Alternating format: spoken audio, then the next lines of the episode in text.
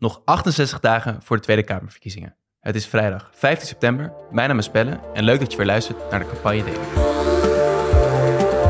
Een uitnodiging aan Verenigd Links. Kijk naar ons als je gaat formeren, want we zijn eigenlijk wel klaar met al die jaren in een liberaal uh, Rutteland. Ja, een vrijdag na een drukke en bewogen uh, politieke week. Uh, we zijn weer terug met de campagne Daily, waarin we in uh, 15 tot 20 minuutjes het politieke nieuws van de dag langslopen.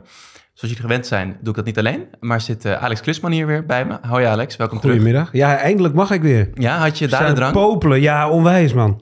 Het is nu tien dagen geleden. Ik zit natuurlijk de dagen af te tellen tot ik hier weer mag zitten. Ja, dus nou, ik ben we blij. We zijn blij dat je, blij dat je er bent. Um, en we zitten hier niet alleen, maar ook met Janine Harbers. Welkom Janine. Dankjewel. Uh, Janine, jij bent eigenaar van trainingsbureau Harbers en Van Goetem. En jullie trainen veelal hè, bestuurders, adviseurs uh, over nou, een aantal zaken. Kan je een beetje vertellen?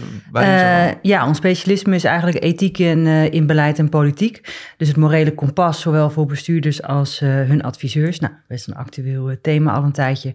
En daarnaast richten we ons erg op de rol van de media. We zijn zelf lang woordvoerder geweest. En op de positionering van organisaties binnen ingewikkelde krachtenvelden. Nou, leuk. Van alles langs wat zeker ook in deze aflevering langs gaat komen. En daarnaast uh, uh, ben je ook wel uh, een beetje onze oostelijke Duitser hier. Want je hebt zelf verteld hier in het voorgesprek dat je ja. vroeger naast Benny Joling woonde. Klopt, mijn moeder heeft zelfs een tijdje camping Jena bestuurd. En dat is de camping waarnaast hij woont. Dus ik kwam Benny wel eens tegen, ook inderdaad tijdens het hardlopen, wat hij nu weer wat vaker doet. Maar ook als hij een borreltje had gedronken bij Café de Tol, waar wij zelf ook wel eens kwamen. Oh, kijk. Ja, en, ja, en ook... pellen voor onze jonge luisteraars, Benny Joling, normaal, oerend hard. Ja, we zullen hem even in de show, we zetten in de show notes wat van zijn nummers. Um, je hebt ook best wel wat gewerkt in de regio de afgelopen tijd, hè? Ja. Wat, wat valt je op als je daar... Nou ja, je beweegt je in bestuurlijk politieke kringen daar ook. Ja, nou ook in de Randstad. Hè? Dus ik vind het vooral interessant om het verschil eigenlijk te zien. Wij zitten hier natuurlijk toch best wel in de bubbel met elkaar. Maar dat zit ze in de regio ook. Uh, en daarin zie je gewoon eigenlijk dat dezelfde dynamieken een rol spelen. Uh, dus namelijk dat mensen zich niet gezien en gehoord voelen... en daardoor harder gaan praten. Ja, nou, dat hebben we veel in deze campagne gezien, aan beide kanten. Um, het eerste onderwerp van vandaag uh, is het verkiezingsprogramma van de ChristenUnie. Dat uh, werd gisteren gepresenteerd uh, door Mirjam Bikker. Nieuwe Verbondenheid heet het. En ja, interessant programma. genoeg om over te spreken, namelijk het minimumloon dat de ChristenUnie naar 18 euro wil verhogen. ze zijn heel erg ruimhartig op asiel en migratie. grote vervuilers moeten worden aangepakt. Hele progressieve klimaatparagraaf. En uh, ja, nou, Trouw, voor de ChristenUnie een belangrijke krant, die kopte... Uh, de ChristenUnie wil het neoliberalisme uit het landsbestuur slopen. Nou, best, uh, best pittige uitspraak. Mirjam Bikker beschreef het programma zo gisteren bij Galite Sofie. In de media ja, werd uw programma uitgelegd als het links inhalen van GroenLinks en Partij van de Arbeid. Is dat een compliment? Als het gaat om het helpen van mensen die echt in nood zijn, die gewoon hard werken, maar de rekening niet kunnen betalen, die bang zijn dat de blauwe envelop van de Belastingdienst -hmm. zoveel problemen veroorzaakt omdat toeslagen worden teruggevraagd, dan vind ik het niet erg. Uh, maar ik ben geen linkse partij dat ik alles van de overheid verwacht. Nee, ik, ik zei net, ik verwacht heel veel van een samenleving die samen optrekt. En ik weet heel goed dat een hele hoop dingen niet maakbaar zijn en niet door de staat geregeld kunnen worden. Ja, dus links uh, wil ze het niet noemen, Mirjam Bikker, maar misschien wel sociaal. Wat, uh, wat, wat viel jij op aan dit uh, programma, Alex? Nou ja, kijk, wat mij vooral opviel is dat, dat links een besmet woord is. Wij hebben natuurlijk ook even rondgebeld met onze ChristenUnie-vrienden in het hart van de ChristenUnie, die ook meteen riepen: nee, het is niet links, het is sociaal. Um, dus vooruit laten we het sociaal noemen, sociaal-progressief. Um, het viel mij inderdaad op dat het een heel mooi uh, doorvrochte programma is. 131 pagina's volgens mij. Ze laten het ook als een van de weinige partijen ook doorrekenen. doorrekenen. Um, en een, ik, ik vond het een buitengewoon aansprekend programma. Weet je, het is niet mijn achtergrond, uh, ook al kom ik uit een domineesgeslacht. Uh, maar het is wel een uh, waanzinnig aansprekend programma met niet links, maar hele sociale punten. Met mooie termen die ze introduceren. Ze halen het rentmeesterschap weer terug. Ze, ze hebben het over rentmeesters, rentmeestersgeneratie. Um, zijn heel erg op dienstbaarheid. Uh, uh, een dienstbare overheid, uh, verbondenheid. het is een heel boeiend programma. En het, voor mij leest het als een uitnodiging aan Verenigd Links, aan GroenLinks PvdA. Kijk naar ons als je gaat formeren, want we zijn eigenlijk wel klaar met al die jaren in een, in een liberaal Rutteland. Deel jij die analyse, Janine? Uh, ja, uh, ik denk alleen wel wat ik zelf ingewikkeld hieraan vind, is dat ze toch ook deelgenoot zijn geweest van de macht een hele tijd. Dus, ja, afgelopen twee kabinetten ja, onder Rutte. Precies, dus en nu zie je in één keer toch een heel ander programma met een hele duidelijke linkse uh, insteek. Want ja, ik, ik, bedoel, links is sociaal, dus wat mij betreft kun je het gewoon links noemen. zelf zie je natuurlijk dat ze gewoon een heel moreel kompas hebben wat duidelijk staat afgesteld, omdat ze natuurlijk ook het geloof hebben. Dat zie je mm. ook erg in het programma terug. Hè. Dus die christelijke waarden zie je daar ook wel precies, Precies, we hebben de wereld in bruikleen. Uh, we moeten goed voor elkaar zorgen en voor de planeet. Ik vind het zelf ook mooie thema's. En ik vond het ook een uh, intellectueel en praktisch aansprekend programma. En ik denk dat daar heel vaak de uitdaging zit bij het schrijven van een verkiezingsprogramma. Hè. Ehm, maar waar ik zelf, als ik, als ik haar zou interviewen, zou ik haar daarop bevragen. Ja. Van hoe zie je dat zelf, die rol? Ja. Ja, interessant. En uh, nou ja, je noemt al een beetje de christelijke waarden natuurlijk. Uiteraard zit daar ook wel uh, misschien die andere kant van de ChristenUnie in. Dus op drugs en prostitutie. Ja. maar ook medisch-ethische thema's zijn ze stukken behoudender. Ja. Alex, jij blikt al een beetje vooruit op die formatie die altijd onroepelijk volgt na zo'n na zo'n verkiezing. Ze zijn wel een beetje een soort van toch ook in het versplinterde landschap. Een partij die ook daar een brug zou kunnen slaan tussen, tussen links en rechts, tussen progressief en meer conservatief. Hè? Ja, zeer zeker. Ik denk dat zij echt een hele cruciale functie zouden kunnen ver, vervullen op het moment dat er net nog wat zetels tekort zijn. Of misschien zelfs wel om een wat, wat, uh, wat breder fundament eh, te leggen voor je, voor je kabinet. Ja. En ik denk echt dat ze met de keuze van dit programma wel heel erg naar de progressieve, uh, linkse, sociale kant neigen. Okay. Ja, en weet je wat ik net zei? Er zitten echt interessante termen in. Dat rentmeesterschap vind ik interessant, maar ook hun um, hoofdstuk over overheid en dienstbaarheid, uh, daar gebruiken ze het woord revolutie. Dus noemen ze revolutie van dienstbaarheid. Ja. Vind ik een hele interessante term voor de ChristenUnie ja, om het woord revolutie, te gebruiken. Zou je niet gelijk bij hem verwachten. Uh, Die andere termen, rentmeterschap, dat ligt natuurlijk ook nadrukkelijk in die christelijke waarden, die waar jij ook een beetje refereerde. Ze zijn natuurlijk niet de enige partij die deze verkiezingen uh, op zoek gaan naar die christelijke stem. Uh, vind je daarin ten opzichte van het CDA of uh, de beweging van uh, Pieter Omzicht, de politieke partij, Nieuw ja. Sociaal Contract, BBB, zijn ook wel partijen die aanspraak maken op die christelijke waarden. Kiest ja. het ChristenUnie hier nadrukkelijk voor een eigen christelijk geluid? Ja, ik vind van wel. Ja, en als je kijkt, is het, gewoon, het is van hen een veel breder verhaal. Als je kijkt naar het programma van BBB, dan zie je toch dat het heel erg gaat over die Norbestaat. Hè? Dus het gaat eigenlijk veel meer over de waarde, maar dan is de waarde ook gelijk de inhoud van het programma. Mm. en als je gewoon het, het, het programma van BBB helemaal gaat doorlezen, dan zie je dat het best wel blijft steken bij hoe gaan we dit nu doen. Dat werd mij in ieder geval niet duidelijk.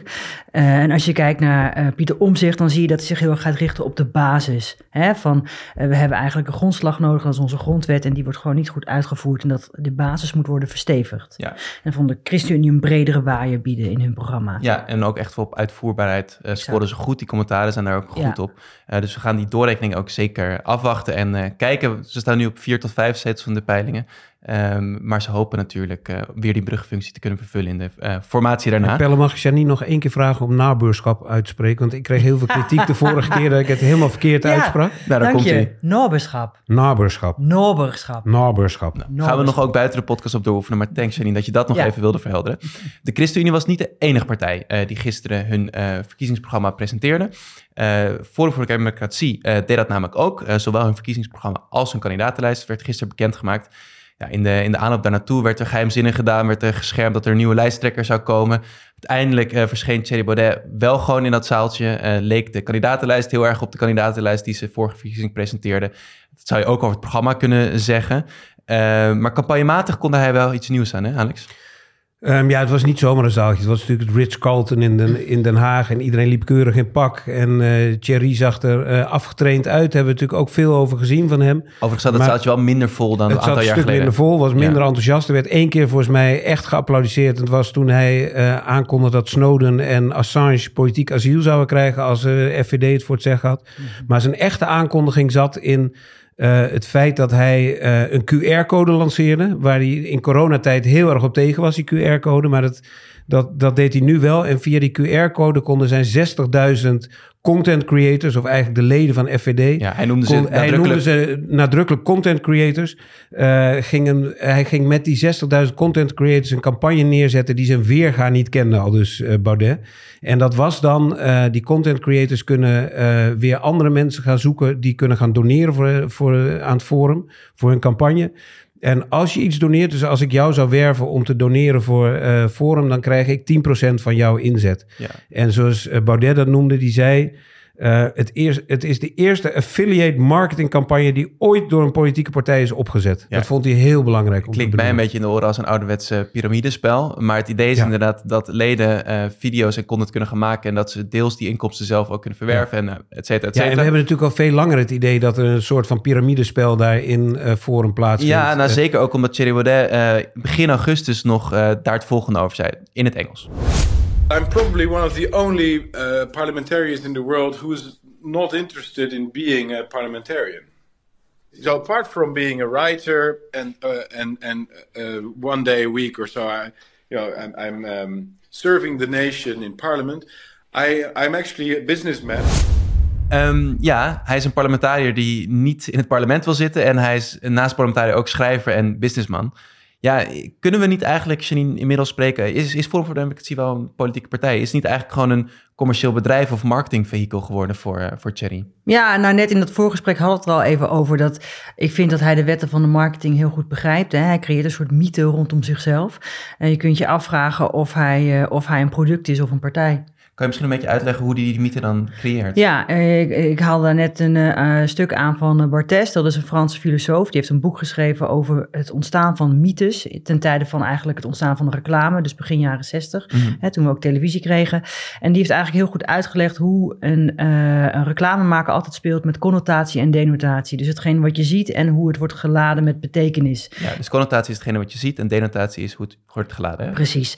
En wat je eigenlijk ziet is dat Baudet daar heel erg goed in is. Dus hij begrijpt heel goed dat spel rondom beelden en beeldvorming. En je kunt je soms afvragen, uh, als je kijkt natuurlijk naar de inhoud van zijn programma's en ook naar de politieke keuzes die er zijn gemaakt in het verleden, of het niet alleen maar blijft bij het beeld. Ja, hij is op zoek naar opheffen in dat beeld veel, Alex. En dat, ja, dat ja, doet hij wel zat, als... Ja. Weet je, ik zat net naar de klok te kijken en dacht, laten we ook niet te lang hierbij stilstaan. Nee. Uh, want wat hij wil is precies dit, dat ieder programma, iedere podcast uh, weer over hem gaat praten. Of het nou ophef is, of het zijn baard is waar hij hiermee op uh, dit, dit fragment staat. Um, laten we het niet te lang uh, stilstaan bij hem. Hij is overigens wel hier ooit groot geworden bij de BKB-academie. Voor we daar weer allerlei kritiek op krijgen. Hij heeft hier ooit de BKB-academie gedaan. Net als Janine overigens. Ja. En net als jij. Ja. Nee, dan hebben we dat in ieder geval wel even benoemd. Laten we dan ook niet te lang stilstaan bij Baudet en voor voor Democratie. Um, politiek als commerciële uh, activiteit is iets wat we absoluut niet willen. Um, maar ja, iets wat we graag wel willen, uh, is misschien toch een andere manier van besturen, ja. een andere manier van politiek bedrijven. En Alex, jij kwam vandaag hier binnen ja, en je, je wapperde al met de Volkskrant van gisteren en zei, nou, dit is een verhaal uh, wat ik gisteren las, wat echt moeite waard is om te bespreken. Nou ja, het was de Volkskrant van vandaag. Jij hebt hem al online, online gisteravond gelezen. gelezen, volgens mij. Een verhaal over Ruben Schild. Een ja. 22-jarig uh, uh, politicus, was politicus. Hij is uit zijn ambt ontheven. Uh, voor de Partij van de Arbeid in Dordrecht... die geheime stukken uit een, uit een commissievergadering heeft gelekt. Geheime stukken waaruit zou blijken dat geen moer... Een, een groot chemiebedrijf. Groot chemiebedrijf in Dordrecht probeert te schikken met vier gemeentes waar ze jarenlang PFAS in, het, in de omgeving hebben gestort, gedumpt. Ja, en die schikking die was geheim, of in ieder geval de gemeenteraadsleden in die raadsvergadering mochten daar niet over spreken. maar Ruben Schild besloot na afloop deze stukken met Sembla te delen. Ja. Uh, Sembla besteedde veel aandacht aan. Toen kwam er uh, een hoop op gang. Uh, dynamiek. Hij is zelf inderdaad uit de partij en uit, uit de raad gegooid. Hij was volgens mij niet, hij was ondersteunend lid daar. Um, en eigenlijk kwam die discussie over dit onderwerp eigenlijk puur door hem op de agenda te staan. Waarom vond je dit nou zo'n inspirerende actie? Um, ik vind het zo'n inspirerende actie en, en, en, een waanzinnig interview dat we zullen delen in de show notes Zeker. ook. Um, omdat hij daar volgens mij, um, ik uh, noemde hem even geks, gekscherend, de, de stiefzoon van Pieter Omtzigt. Omdat hij hier laat zien dat er ook een andere uh, cultuur nodig is. Een andere bestuurscultuur, dat we weg moeten uit de achterkamertjes. Dat we dingen moeten benoemen zoals de mensen op straat ze ook willen horen. En niet uh, willen horen wat nu, hoe nu de burgemeester van Dordrecht reageert. Niet willen horen hoe de fractieleider van de PvdA in Dordrecht reageert. Hoe reageerde die? Die reageerde, nou nu heeft meneer, nu heeft, nu heeft meneer Ruben Stilt over voor de tweede keer gelekt uit geheime vergaderingen. In plaats van te zeggen, het is heel goed dat dit soort, dat dit soort uh, misstanden aan de kaak worden gesteld. En, eh, en de, ik zal de, hele reactie van de fractievoorzitter van de PvdA Dordrecht ook achterwege laten. Ik zou alleen uh, Frans Timmermans op willen roepen. Ga zo snel mogelijk met, met Ruben het gesprek aan. Kijk hoe je hem kan betrekken in je campagne of in je partij. Voordat hij overstapt naar een nieuw sociaal contract. Want dit is, weet je, dit ademt wat mensen willen horen. Dit ademt hoe mensen vinden dat politici moeten handelen in het belang van burgers en niet in het belang van grote bedrijven. Jij traint uh, veel uh, bestuurders en, en uh, mensen in dat omveld, ja. Janine. Hoe kijk jij naar misschien zo'n actie, maar misschien breder die, die, roep die onder veel mensen, kiezers, maar misschien zelf ook onder bestuurders leeft voor, voor een nieuwe bestuurscultuur? Ja, nou het is eigenlijk tweeledig. Enerzijds, hè, ik, ik ga binnenkort van niet nader noemen de organisatie, de adviseurs inderdaad trainen. Ik heb gisteravond dat artikel doorgestuurd ter voorbereiding van hoe sta je hierin? Kan dit wel of kan dit niet? En zou je het zelf doen? Dus ik vind het heel belangrijk dat dat gesprek wordt gevoerd. En wat je gewoon eigenlijk ziet is als mensen onderdeel worden van de macht, dus als ze langere tijd uh, adviseur zijn van een politicus of van een bestuurder, dat ze dat niet meer durven omdat dat vaak consequenties heeft. Hè, even heel praktisch gezien. Mm -hmm. Maar de consequenties die dat ook heeft voor onze bestuurscultuur, is dat het een gesloten uh, bolwerk is geworden waar mensen elkaar de hand boven het hoofd houden. En dat zorgt er gewoon voor dat we van systeemcrisis naar systeemcrisis gaan en problemen 10, 20 jaar voor ons uit zijn geschoven. Hè, waardoor er nu een nieuwe generatie staat die gewoon geen basis meer heeft. Hè? Daarom is het thema van alle programma's ook bestaanszekerheid. Dus dit moet gebeuren. Dus dit is goed ook dat iemand even die knuppel en ook gooit, zo'n gesprek op gang brengt. Absoluut. Ja, en wat, ja wat... ik vind het fantastisch. Ik word er echt onwijs uh, hoopvol van. Ja, ik merk het. Je wordt er ja. helemaal enthousiast van. Um, ja, ik was wel benieuwd dan, want uh, er, komen weer een, er komt een nieuwe lichting bestuurders aan in Den Haag. Uh, uh, veel partijen die, hè, de kopstukken hebben het al vaak over gehad, zijn vertrokken. Een nieuwe lichting politici. Wat, wat zou jij die nieuwe lichting bestuurders adviseren, Janine, vanuit jouw eigen expertise? Vertel de waarheid. Altijd? Ja, vertel gewoon de waarheid. Vertel hoe het zit. Iedereen heeft een bullshit detector. Mensen weten gewoon als je loopt te lullen. Stop daarmee. Ja, en wat, en wat Janine net zei, het is een gesloten bolwerk. Mijn oproep zou zijn aan alle, aan alle lijsttrekkers die straks misschien het voortouw nemen in de formatie. Durf ook een nieuw soort bestuurder aan te stellen.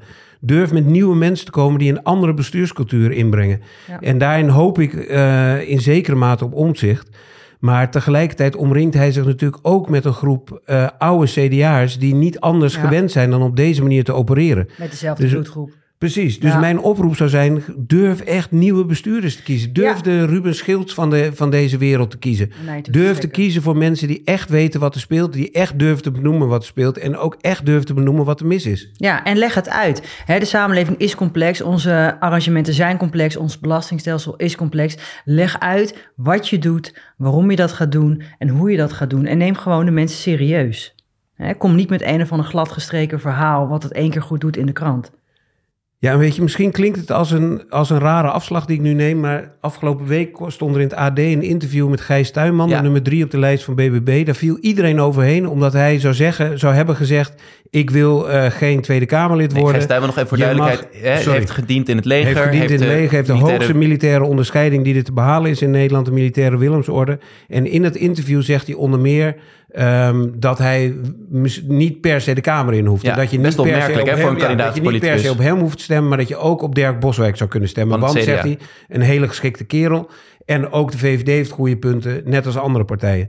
Maar als je het stuk echt helemaal van A tot Z leest... en niet blijft hangen bij de koppen en de, en de, de één of twee one-liners... die de journalist eruit haalt, dan is het een heel goed stuk. Want hij zegt gewoon, we moeten samen... Uh, lees de, de verbondenheid van, uh, van de ChristenUnie. We moeten samen vooruit met dit land. Mhm. Mm -hmm. En dat kan je heel goed met een aantal hele redelijke partijen die er zijn.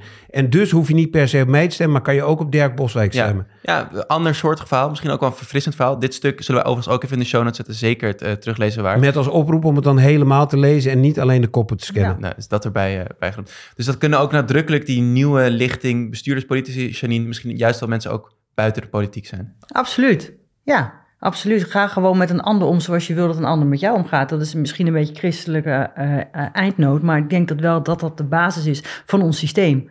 Naamwoordschap, toch? Ja, laat ja. geld het niet bepalen voor de rest, want dan weten we waar het eindigt. Nou, duidelijk. Van die uh, christelijke beginnoot en eindnoot zijn we wat mij betreft rond voor deze vrijdag.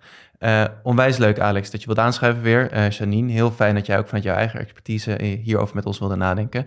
Uh, dit was het voor deze week. Um, de tweede week zit erop. Uh, hoop dat jullie ook uh, volgende week weer bij ons inschakelen. Maandag zijn we terug om 4 uur. volg, deel en like die podcast dus in je favoriete podcast app. En dan zijn we maandag bij je terug. Fijn weekend allemaal. Tot maandag.